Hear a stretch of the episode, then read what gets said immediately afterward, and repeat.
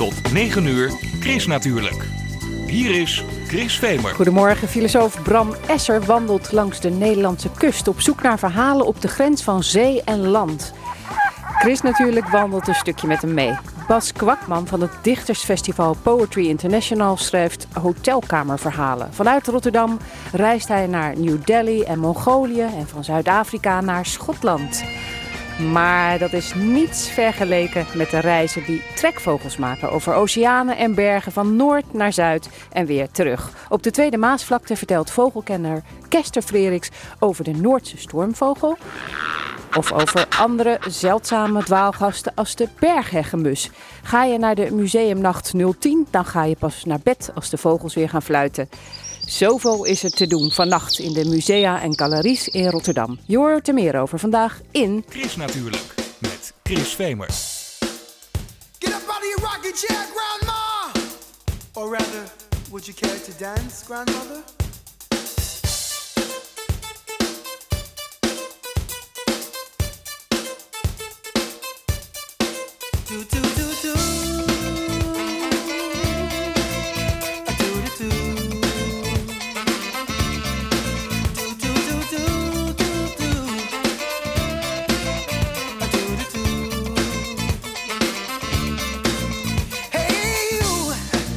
Give up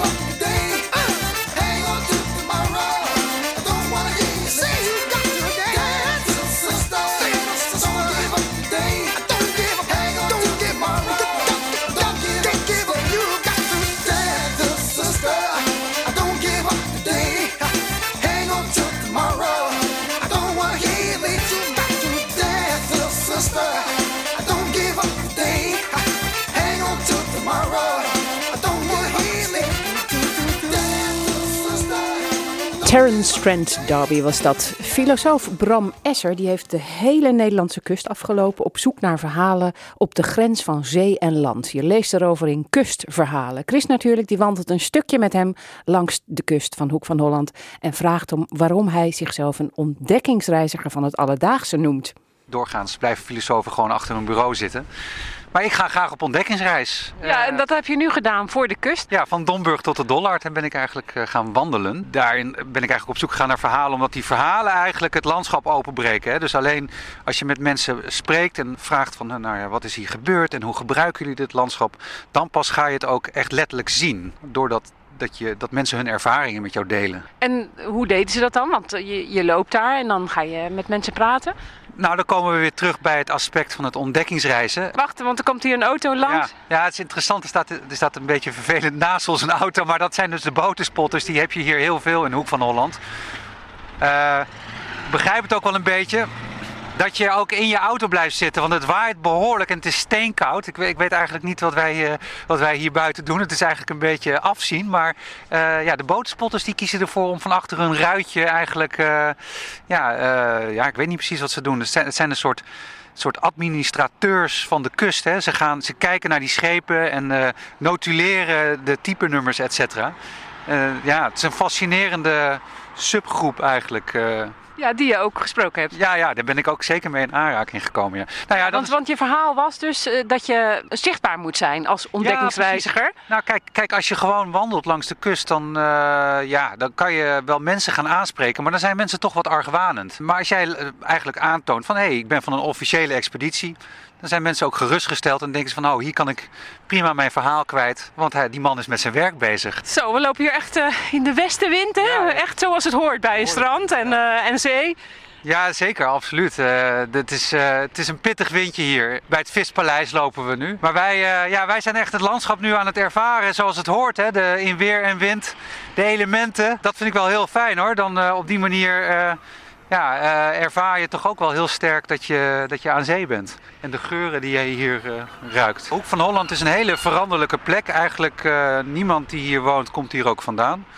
Terwijl je bijvoorbeeld in het Westland uh, nou ja, allemaal dezelfde namen tegenkomt, waar generaties dezelfde mensen wonen, is Hoek van Holland echt een plek ja, waar mensen naartoe komen, uit Rotterdam ook, maar dan weer, weer, weer vertrekken. Ja, en, en ze zijn ook altijd onderhevig aan allerlei grote processen, die vooral met de haven te maken hebben, maar ook met de Tweede Wereldoorlog. Het is interessant om te zien hoe het karakter van de mensen die hier wonen ook gevormd is door al die processen. En ze hebben toch een beetje een rebels uh, karakter. Kijk.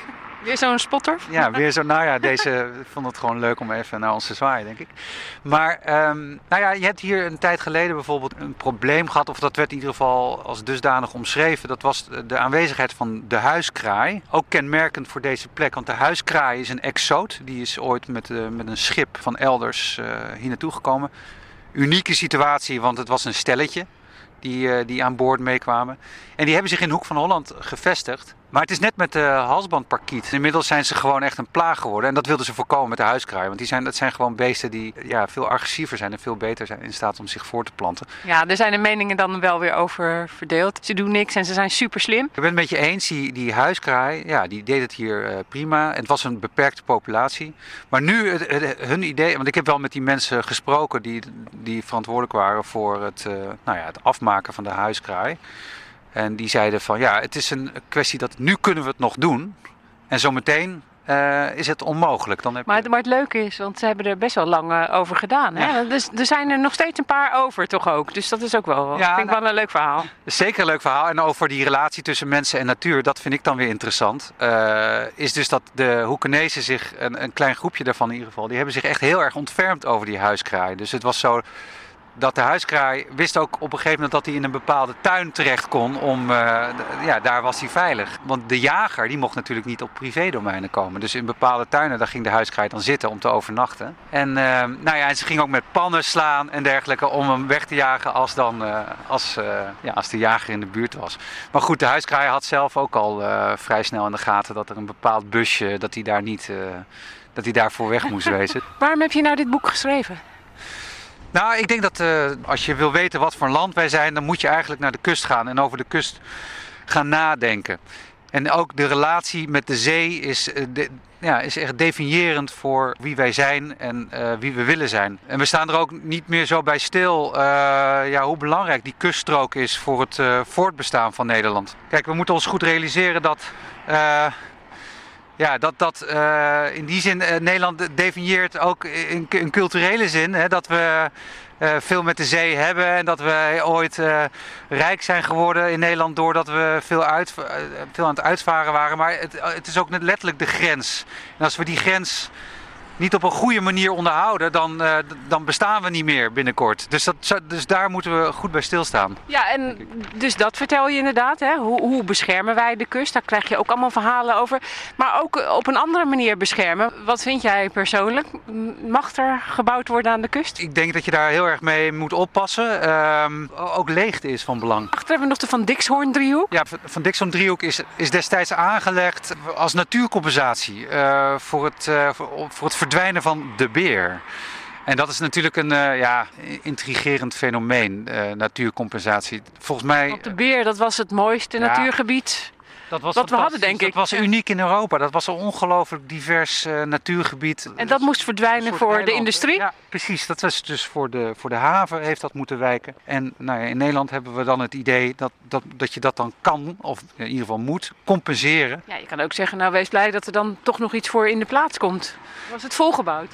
Zo kan je er ook tegenaan kijken. Maar eh, dat je denkt dat je, al, dat je natuur altijd maar kan compenseren, is, is natuurlijk een, een, een hele rare gedachte. Bovendien had die hele beer helemaal niet weggehoeven. Die is eh, geëgaliseerd en eh, opgespoten en er is vervolgens niks mee gebeurd. Hij is nog steeds niet, niet helemaal volgebouwd. Dus het, het was ook nog eens een keer helemaal voor niks. Dus al, we hebben natuurlijk een tijd lang gehad dat, ja, dat alles moest wijken voor de vooruitgang. Maar eh, nou ja, goed, ik, ik, ben, ik, volgens, ik ben wel blij dat we volgens mij daar eh, wel veel voorzichtiger mee omgaan. En dat we, dat, eh, dat we, helemaal, dat we niet meer zo rigoureus alles wegwalsen ten behoeve van die vooruitgang. En het interessante is natuurlijk dat de natuur zich ook vaak helemaal niks aantrekt van wat wij dan allemaal bedenken. Want midden in dat, dat havengebied Ja. is zich een natuur ontwikkelen waar je u tegen zegt. Omdat er juist niet zoveel mensen komen. Ja, exact. Ja. De grootste meeuwenkolonie van, eh, van, eh, van Europa zit daar. Er zitten lepelaars en eh, er zitten, echt, eh, er zitten echt unieke natuurplekjes. En dat is wel heel grappig van dat soort gigantische lappen grond die je daar aanlegt. Dat de natuur zich daar toch weer tussen wringt. En het, komt natuurlijk ook wel doordat we ja, een soort overschot aan voedsel produceren. Hè? Dus eh, vogels die vooral eh, vroeger veel op zee zaten, die komen gewoon nu naar, naar het land. Vestigen zich zo op de Maasvlakte, gaan even een patatje halen in Hoek van Holland. Ja, dat is heel interessant, dat die natuur past zich ook weer aan ons aan.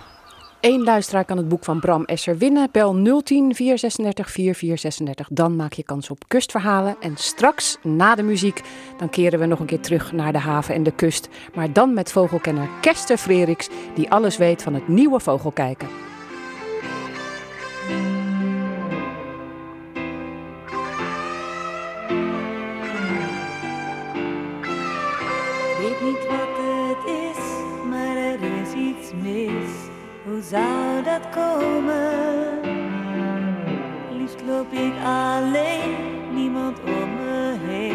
In mezelf te dromen.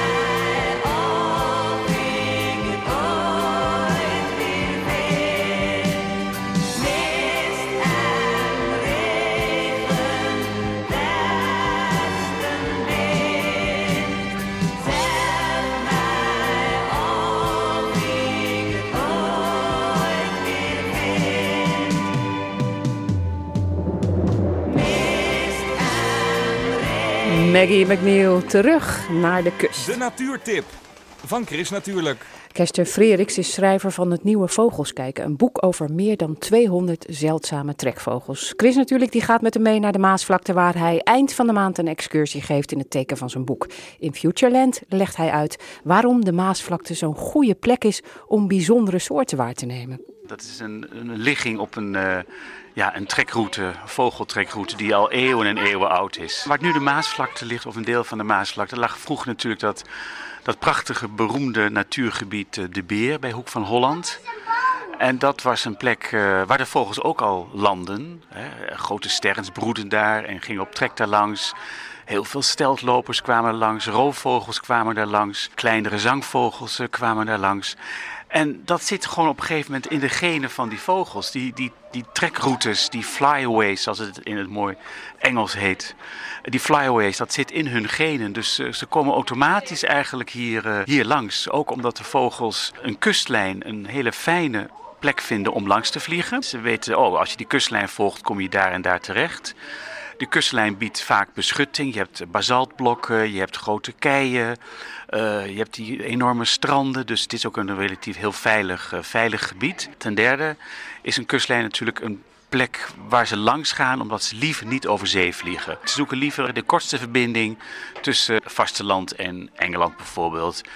En je hebt ook zo'n gebied eh, Zuid-Zweden, is ook zo'n punt waar die vogels passeren. Nou, hier bij de Maasvlakte heb je dat natuurlijk ook. Daar zitten ook op een gegeven moment dicht bij, de, bij Engeland, wat een belangrijk gebied is waar vogels eh, overheen trekken. Dus het is een kruispunt van vluchtwegen. Zo zou je de Maasvlakte eigenlijk kunnen noemen. Maar dat is wel bijzonder, want ja, de haven is hier nu. Maar als je met de blik van, blik van een vogel kijkt, dan zie je natuurlijk heel veel leegte. Er is heel veel ruimte. Er zijn op zich is niet veel verstoring door, door de mens. En je hebt overal plekken tussen die keien waar ze kunnen, waar ze kunnen landen. Dus met de blik van de vogel is eigenlijk die Maasvlakte, ondanks dat het natuurlijk een enorme drukke wereldhaven is, is het eigenlijk een enorme ja, fijne plek voor vogels om te vertoeven. Je denkt het niet en toch, eh, toch is het zo. Dat vind ik het wat bijzondere van de Maasvlakte. Afgelopen najaar zag het op de Maasvlakte zwart van de mensen. En dat allemaal voor een heel klein verdwaald vogeltje. Ja, dat was de bergheggemus. Mijn boek was af en ongelooflijk, precies een week na publicatie van mijn boek, in de trektijd van het najaar, dus herfst vorig jaar, eh, deed die bergheggemus dus eh, ons land aan. Die staat er niet in, maar die zou er wel in moeten staan, dus eigenlijk. Want wat voor soort boek is dit, het nieuwe Vogels kijken? Er staan alle vogelsoorten in die zeldzaam zijn voor Nederland. Die dus minder dan 15 keer Nederland aandoen. Dus ik beschrijf 215 vogelsoorten die hier zelden zijn waargenomen. Maar het bijzondere van al die vogels is dat ze uit hele verre streken komen. Ze komen uit Noord-Amerika. Ze komen uit Azië. Sommige komen uit, eh, hoog uit Siberië, eh, Nova Zembla, eh, Groenland, IJsland. Al die vogels komen uit van gigantische afstanden, komen ze naar Nederland of hebben ze ooit Nederland aangedaan. En met diep respect heb ik naar die afstanden gekeken van duizenden, duizenden kilometer die die vogels afleggen en hier terechtkomen. Ze zijn door een storm hier naartoe gewaaid, ze rusten hier uit en ja, hervinden weer hun oriëntatie. En vliegen weer terug naar hun land van, eh, van herkomst. En wat een haven nog leuker maakt, en dat is voor vogelaars altijd heel spannend, is namelijk: vogels zijn ook gewoon lifters. Verstekelingen op die schepen. Dus eh, de huiskraai bijvoorbeeld, de befaamde huiskraai in Hoek van Holland. Die is daar niet op eigen kracht heen gevlogen, maar die is op een gegeven moment op zo'n containerschip gaan zitten. Nou, dat zijn natuurlijk gewoon gigantische kleine dorpen. En dan kunnen ze, dan kunnen ze zitten veilig, beschut tussen die containers. Ze krijgen wat voeding, voedsel van de, van de bemanningsleden.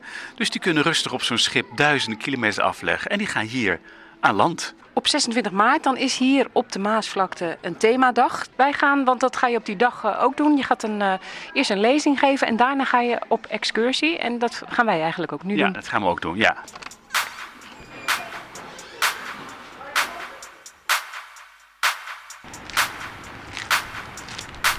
Langs het noordelijke deel van het Maasvlaktestrand, de Vogeltelpost is hier. Mooie plek hè, Kester? Hele mooie plek. Je ziet de Je ziet de branding en de golven die aankomen rollen en heel veel strand. Ja, denk je dat we wat plek. mooie, bijzondere vogels zullen gaan zien hier? Nee, ik zie nu eigenlijk alleen nog maar eh, zilvermeeuwen en mantelmeeuwen. Maar ik zie nu niet echt een hele spectaculaire soort. Maar ja, dat kun je ook niet op bestelling doen. Dat is het leuke van vogels kijken. Die vogels gaan hun eigen weg. Maar is zo'n dag als vandaag een, een- wel een goede dag om vogels te zien? Het waait heel hard. Het is echt een hele goede dag. De wind zorgt dat vogels uit Engeland of uit de noordelijke oceanen ja, hierheen eh, heen geblazen worden. Laten we even hier gezellig gaan zitten op dit bankje. Dan zijn we iets beschutter. Zitten we. Je hebt ook je verrekijker meegenomen. Dus we kunnen af en toe eventjes speuren in de verte. Ik zie wel allemaal zeeschepen in ieder geval. Ja, die wel. Ja.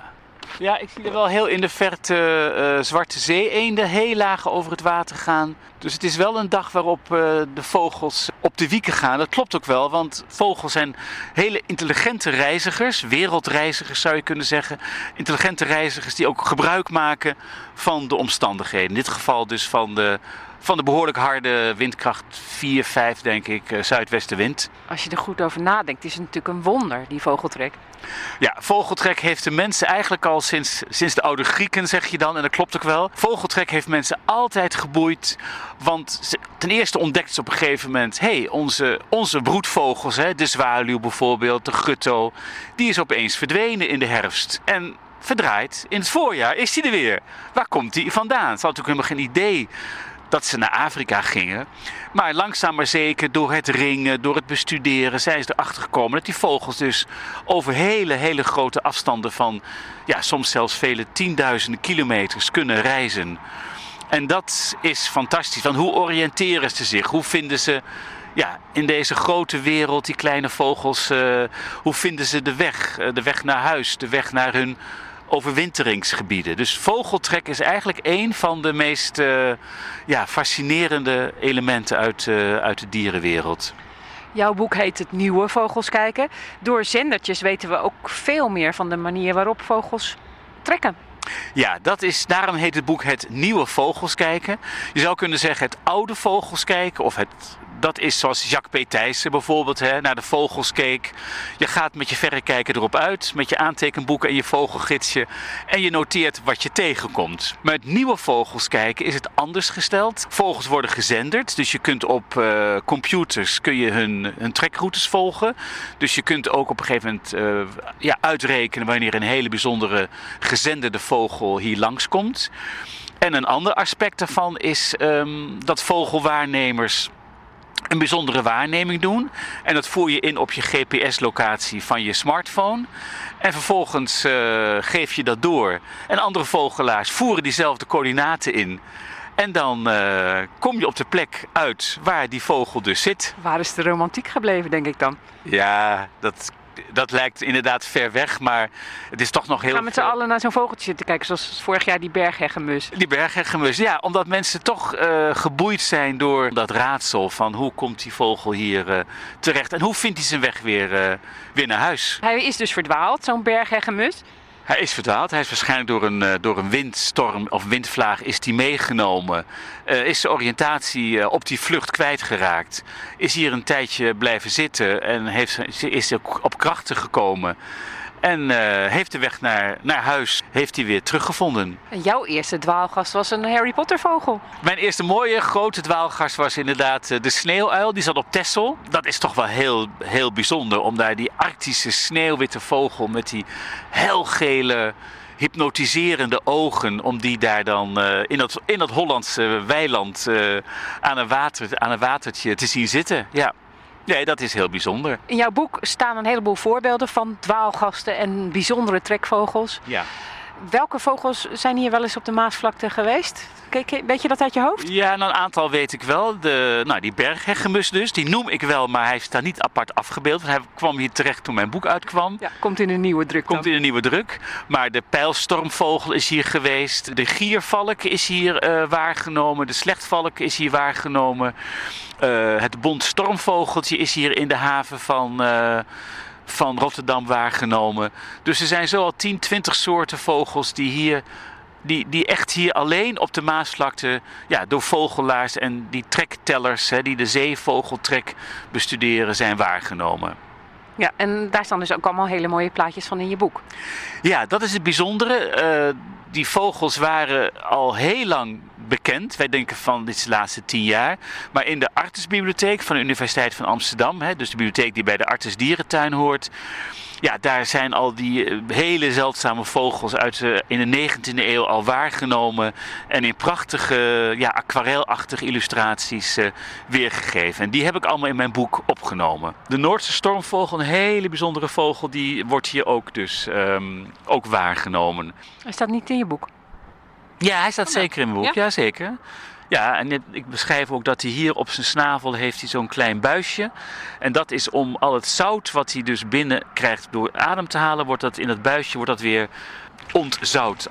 Maar Kester, moeten we niet even op de app kijken dan? Of hier bijzondere vogels nog Ja, gespot dat is, is zijn? een goed idee. Ik heb op mijn, eh, op mijn iPhone waarneming.nl. En die noteren dus alle vogels die eh, in Nederland eh zeldzame in de buurt zijn de bijvoorbeeld? zijn. De enige zeldzame in de buurt is de zwarte zeekoet.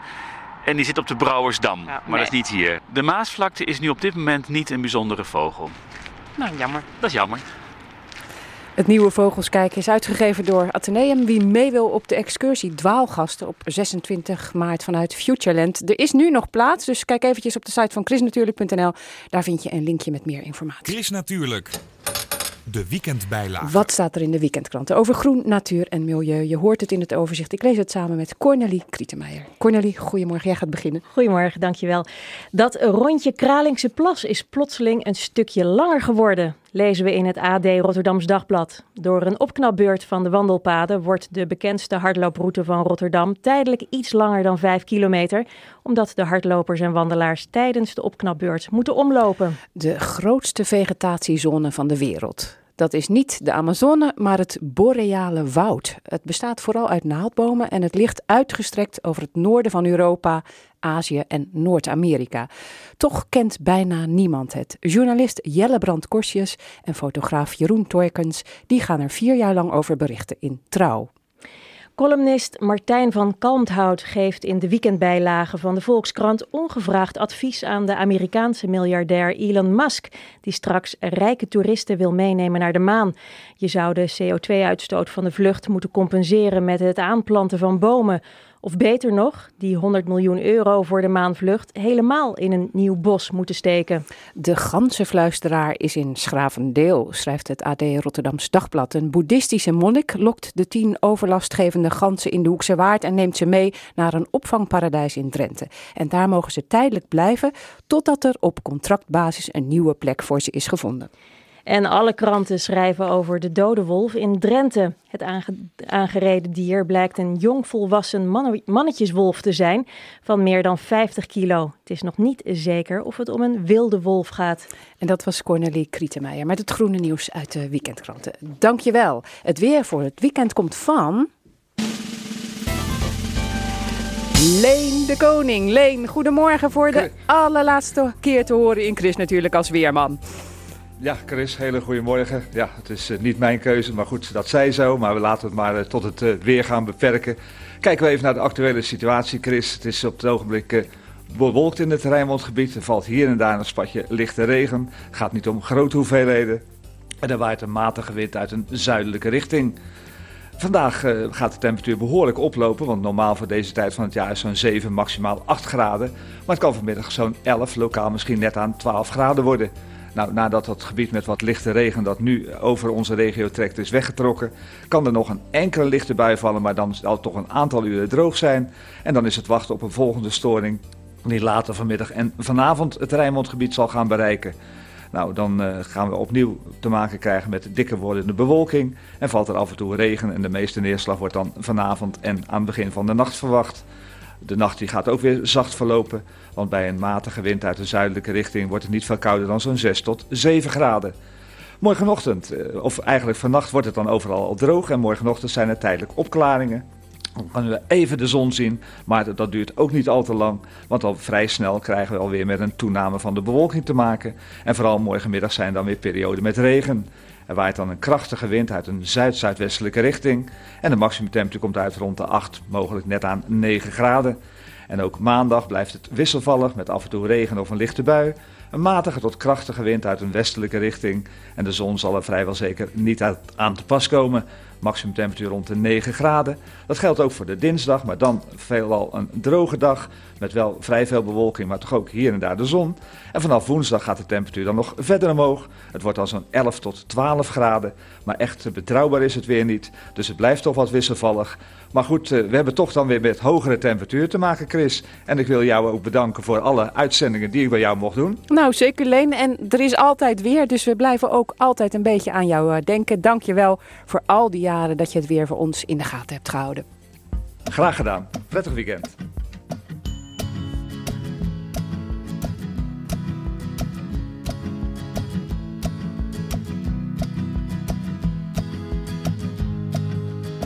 Sometimes everything seems awkward and large. Imagine a Wednesday evening in March, future and past at the same time. I make use of the night, start drinking a lot. Though not ideal for now, it's all that I've got. It's nice to know your name. You don't know,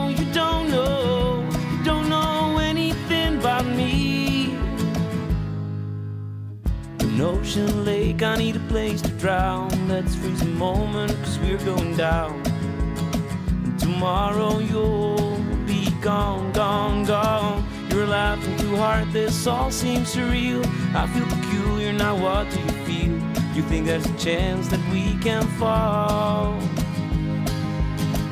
You don't know, you don't know, you don't know anything about me. What do I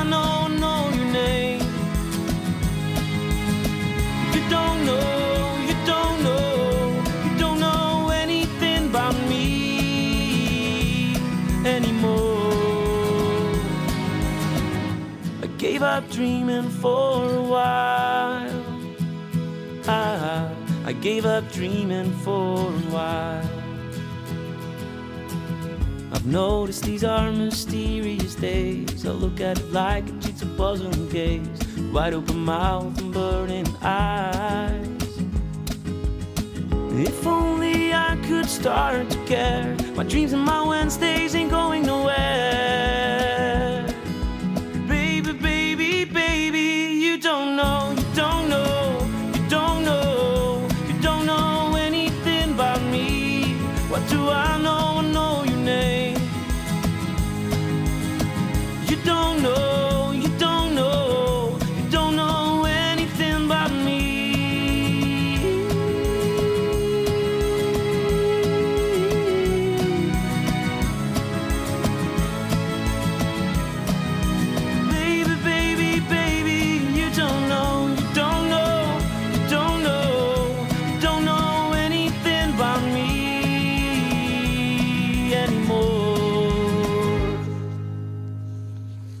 Milo was dat. Ontdek vandaag de Rotterdamse Musea by Night, want het is weer Museumnacht 010. Luister naar een paar groene tips die Chris natuurlijk uit het programma ligt met Germa Roos van de organisatie. En laat je vooral verrassen. Nou, dan krijg je toch lekker tuberculose. Joh, snottebel. Krijg de pleuris. Oh, oh Germa, gaan we ineens schelden? Jazeker, het Natuurhistorisch Museum is de bron van de infecties tijdens de museumnacht. Want dat is in ieder geval wat je in het Natuurhistorisch Museum kunt doen, de tyfusquiz. En wil je nou die Museumnacht 010 echt groen doorbrengen, dan moet je vooral bij de galeries zijn, denk ik. Zoals hier bij eh, Delen Art. Bastiaan Delen, hier kan je virtueel een schilderij van de natuur instappen.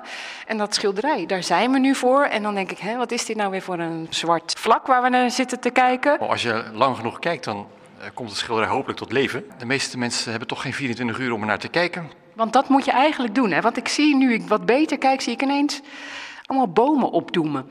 Ja, zeker, zeker. Het is eh, zwart in zwart geschilderd door de Italiaanse kunstenaar Roberto Fernari. Toen hij begon met dit project, een jaar of vijf geleden, heeft hij een zwart schilderij in zijn kantoor opgehangen. Er staat een grote vergadertafel.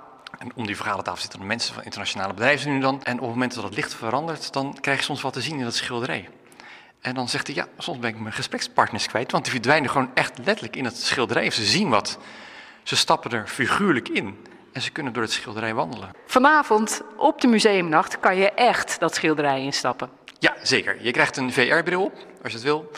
En figuurlijk kan je dan gaan wandelen door het schilderij. Kunnen we dat nu ook even doen? Jazeker. Germa, jij wil ook meedoen, hè? Ik wil heel graag meedoen. Oké, nou, we zetten de brillen op. Ik ben wel een heel klein beetje bang in het donker, dus ik hoop dat er eh, wat licht eh, te zien is. Hé, hey, daar gaan ineens de vogeltjes fluiten. Ja, en het gras gaat langzaam waaien en je kan overal kijken, overal zie je wat. Je ziet letterlijk een, een eh, gecreëerd park en daar kan je dus nu zelf gaan wandelen. Ja, want we wandelen door een haag van varens. De hemel is een beetje onheilspellend. Die lucht, alsof het wel straks gaat regenen misschien. Nee hoor, droog blijft u. Als je hier de hoek om gaat, ja, u gaat de andere kant op zie ik, maar je kan dus alle kanten op. Oké, want wat, ik kan dus ergens anders heen gaan dan waar Germa heen gaat. Absoluut, ja. Het is zo ontworpen, iedereen kan zijn eigen weg gaan. En, en niemand ziet dus ook hetzelfde. Hè? Het is maar waar je heen kijkt, wat je te zien krijgt. Want wat zie jij dan, Germa?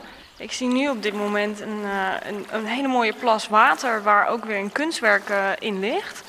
Ehm, maar ik ben eigenlijk heel erg nieuwsgierig. Kunnen we ook verstoppertjes spelen? Hé, hey, waar ben jij? Om de hoek. Achter die boom daar. Nou, dit is dus wat je kunt beleven op de museumnacht. Je kunt echt de hele stad door en overal zijn wel groene dingen te vinden. Wat ik zelf ook wel heel erg leuk vond en intrigerend waren aquaria. En daar stonden dan van die kleine bonsai-boompjes in. Wat is dat precies? Dat is een, eh, een installatie eh, die je kunt vinden bij de galerie Joey Ramon. En dat is super interessant, want als je daar binnenkomt, zie je daar allemaal bonsai-boompjes die verdronken zijn. En eh, deze kunstenaar wil eigenlijk ehm, de extreme invloed van eh, cultuur op natuur laten zien. En je ziet daar dus de ondergelopen olijfgaardenbomen. Dat is onwijs interessant, maar ik wil jullie ook vooral eventjes aanraden om naar onze website te gaan. Want we hebben meer dan 100 activiteiten op 47 locaties. Ik wil jullie uitdagen om ze alle 47 te gaan bekijken. Ga ook iets doen waarvan je eigenlijk nog nooit kaas hebt gegeten. Goeie tip tot slot van Germa Roos. De Museumnacht 010 vanavond van 8 tot 1 in de Rotterdamse musea en galeries. Kijk voor het programma en kaartjes op museumnacht010.nl. Chris natuurlijk. Lekker lezen. Van elke hotelkamer waarin ik verblijf maak ik een tekening. Geen reis zonder tekenboekje, stiften, inkt en een aquareldoosje in de koffer. Sommige hotelketens richten in de hele wereld dezelfde kamer in. Dan staan er twee dezelfde tekeningen in mijn boekje, terwijl de kamers 2000 kilometer van elkaar zijn verwijderd. Je wordt wakker en weet niet of je in Chicago, Parijs of Durban bent. Het verschil is het uitzicht. Vanuit Chicago de Sears Tower, in Parijs een Chinese groothandel in tassen en portefeuilles en in Durban de India, Indiase Oceaan. Het hotel New Delhi was nog in aanbouw. Ik keek, uit op de stortplaats van de bouwploeg, waar een bulldozer een troep vale, schurftige honden als meeuwen voor zich uitjoeg. Ik luisterde hoe het nog onbehandelde beton van de vloer de roestbruine druppels uit de pijp in de hoek van de kamer knisperend opzoog en hoorde hoe een rat zich een weg door de airconditioning probeerde te knagen. Om het uur werd ik gebeld door de receptie. Are you comfortable in your room, sir? Bas Kwakman, directeur van het Rotterdamse dichtersfestival Poetry International, las een stukje voor uit zijn boek Hotelkamerverhalen. De verhalen die hij tijdens zijn vele reizen als festivaldirecteur beleeft, heeft hij opgeschreven in het boek dat vrijdag wordt gepresenteerd. Chris natuurlijk, die neemt de festivaldirecteur mee naar een hotelkamer in Rotterdam, waar op het balkon wordt genoten van het uitzicht. Ja, schuiven. Is dat wat je altijd het eerste doet als je in een hotel komt? Even alles verkennen? Ja, kijk wel eerst naar, naar het uitzicht, ja.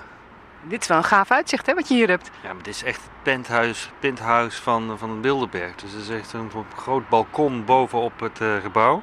14 hoog. Dus je ziet hier, je kan hier, hier, de- hier Delft, Den Haag zien, denk ik. Maar daar zijn we hier niet voor. We zijn hier voor jouw verhalen, hotelkamerverhalen. Dus laten we naar binnen gaan. In het slaapgedeelte. Weet je, dat doe, je ook niet vaak, hè? Met, eh, met de journalist een kamer voor een uur. Een hotelkamer. Maar dat doet de journalist ook niet vaak met eh, het onderwerp van gesprek. Wie weet. maar dat is het aura van hotelkamers. Hè? Want ik heb heel erg zitten twijfelen over de naam van het boek. Het heet nu Hotelkamerverhalen. En dat heb ik een beetje gecheckt bij mensen. Of dat nou meteen een soort erotische connotatie met zich mee heeft. En ik moest wel lachen, want op een gegeven moment zei eh, Anne Vechter, die hoorde dat. En toen zei ze... Rotterdamse dichter, Res. Ja, en de voormalig dichter des Vaderlands. En zij zegt, ah, hotelkamerverhalen. Dus eigenlijk kunnen we eens achter de gordijntjes van Bas Kwakman kijken. Ze heeft eigenlijk wel gelijk. Je kijkt ook achter de gordijntjes van Bas Kwakman. Eigenlijk onthul ik veel over hoe ik leef als, als eh, directeur van Poot International. Maar dan niet achter de gordijntjes in de zin van dat het ero- erotische escapades zijn, wat vaak met hotelkamers wordt eh, geassocieerd. Maar meer een kijk, inkijkje in eh, dat reizende leven. Dus eigenlijk had ze wel gelijk. Maar heb jij van zulke soort luxe plekken als deze? Soms wel, ja. ja dit is wel een hele grote. Het is echt zo'n- penthouse suite. Maar, eh, ja, want hier vanuit je bed kijk je ook gewoon de stad in. Ja, dat zijn mooie, van die mooie ramen die helemaal tot aan de grond zijn. Dus dan heb je geweldig uitzicht. Even naar de badkamer. Vind ik ook altijd wel leuk. Om te spieken wat er allemaal in de flesjes zit. Doe jij dat ook altijd? Ik pik er altijd wat mee, ja. Maar waar zou jij nou gaan zitten om je verhalen te schrijven? Heb je dan een soort tafeltje waar je aan gaat zitten? Of eh, ga je op je bed liggen schrijven? Nou, ik begin altijd met tekenen. Ja, dat moeten we dan wel even vertellen, want het boek staat ook vol met prachtige Ja. tekeningen. Jij, jij maakt echt hele mooie tekeningen van je hotelkamers. Ja, dat is al in een vroeg stadium ontstaan. Dat, eh, ik, ik ben opgeleid als beeldend kunstenaar en dat reizende leven eh, maak je natuurlijk notities van je, wat je meemaakt. Maar ik wil ook altijd graag een, een tekening maken van, van een paar plekken. Omdat tekeningen voor mij later ook de beste manier zijn om dingen te herinneren. Door die tekeningen komt alles in detail terug. Dus als ik binnenkom in een hotelkamer, kijk ik eerst van waaruit, vanuit welk perspectief zal ik een tekening gaan maken. Om het toch altijd een vast element te hebben, zit altijd een stukje van het bed in. De laatste tijd eh, kruipen er ook steeds meer uitzichten bij. Ik kom net terug in Nicaragua en daar heb ik een, uiteindelijk een hotelkamer gevraagd aan de voorkant, omdat dat zo'n waanzinnig mooi plein had. Dat keek op een knalgeel geschilderde kathedraal en palmen en echt te gek. Dus het begint echt met de hotelkamertekening en tijdens de hele reis, die hele week dat ik ergens zit, blijf ik continu aantekeningen eh, maken. Uit elke, nou niet alle, maar uit elke reis ontstaan op een gegeven moment verhalen. Verhalen van taxichauffeurs, van wat er in het hotel gebeurt, wat er op straat gebeurt, verhalen die dichters vertellen, sterke verhalen, dingen die je meemaakt of dingen die misgaan op het festival. En dat is iets anders dan het professionele, waar je echt werkt voor wat kan ik hiervan meenemen voor poetry.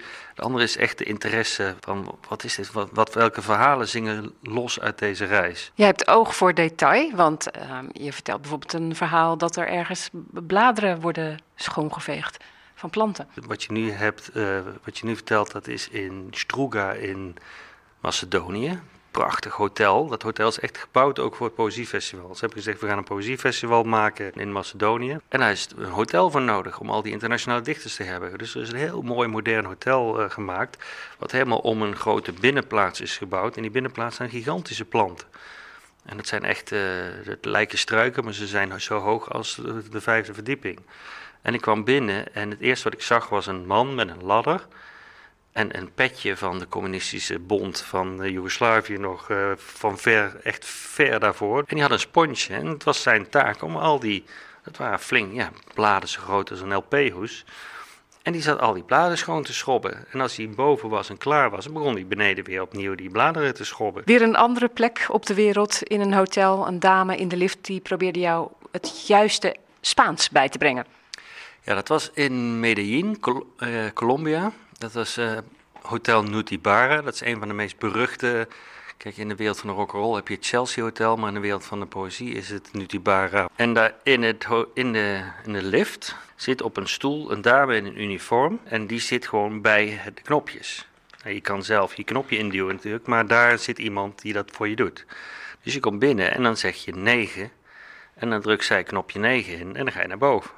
Nou, zij is volstrekt overbodig, maar het is een grappig eh, accessoire van het hotel natuurlijk. Maar die dame die wilde dat ik het 9 niet alleen in Spaans zei, maar in het cor- correcte Colombiaanse dialect met de correcte tongval. En als ik dat niet zei, drukte ze niet op het knopje. Maar ook als er dan vier, vijf mensen in die lift stonden, en ik was als eerste binnen, vond ze het leuk om te wachten tot ik het goed zei. Dus die andere omstanders, die werden dan zeer ongeduldig en die schreeuwden dan tegen mij wat ik moest zeggen.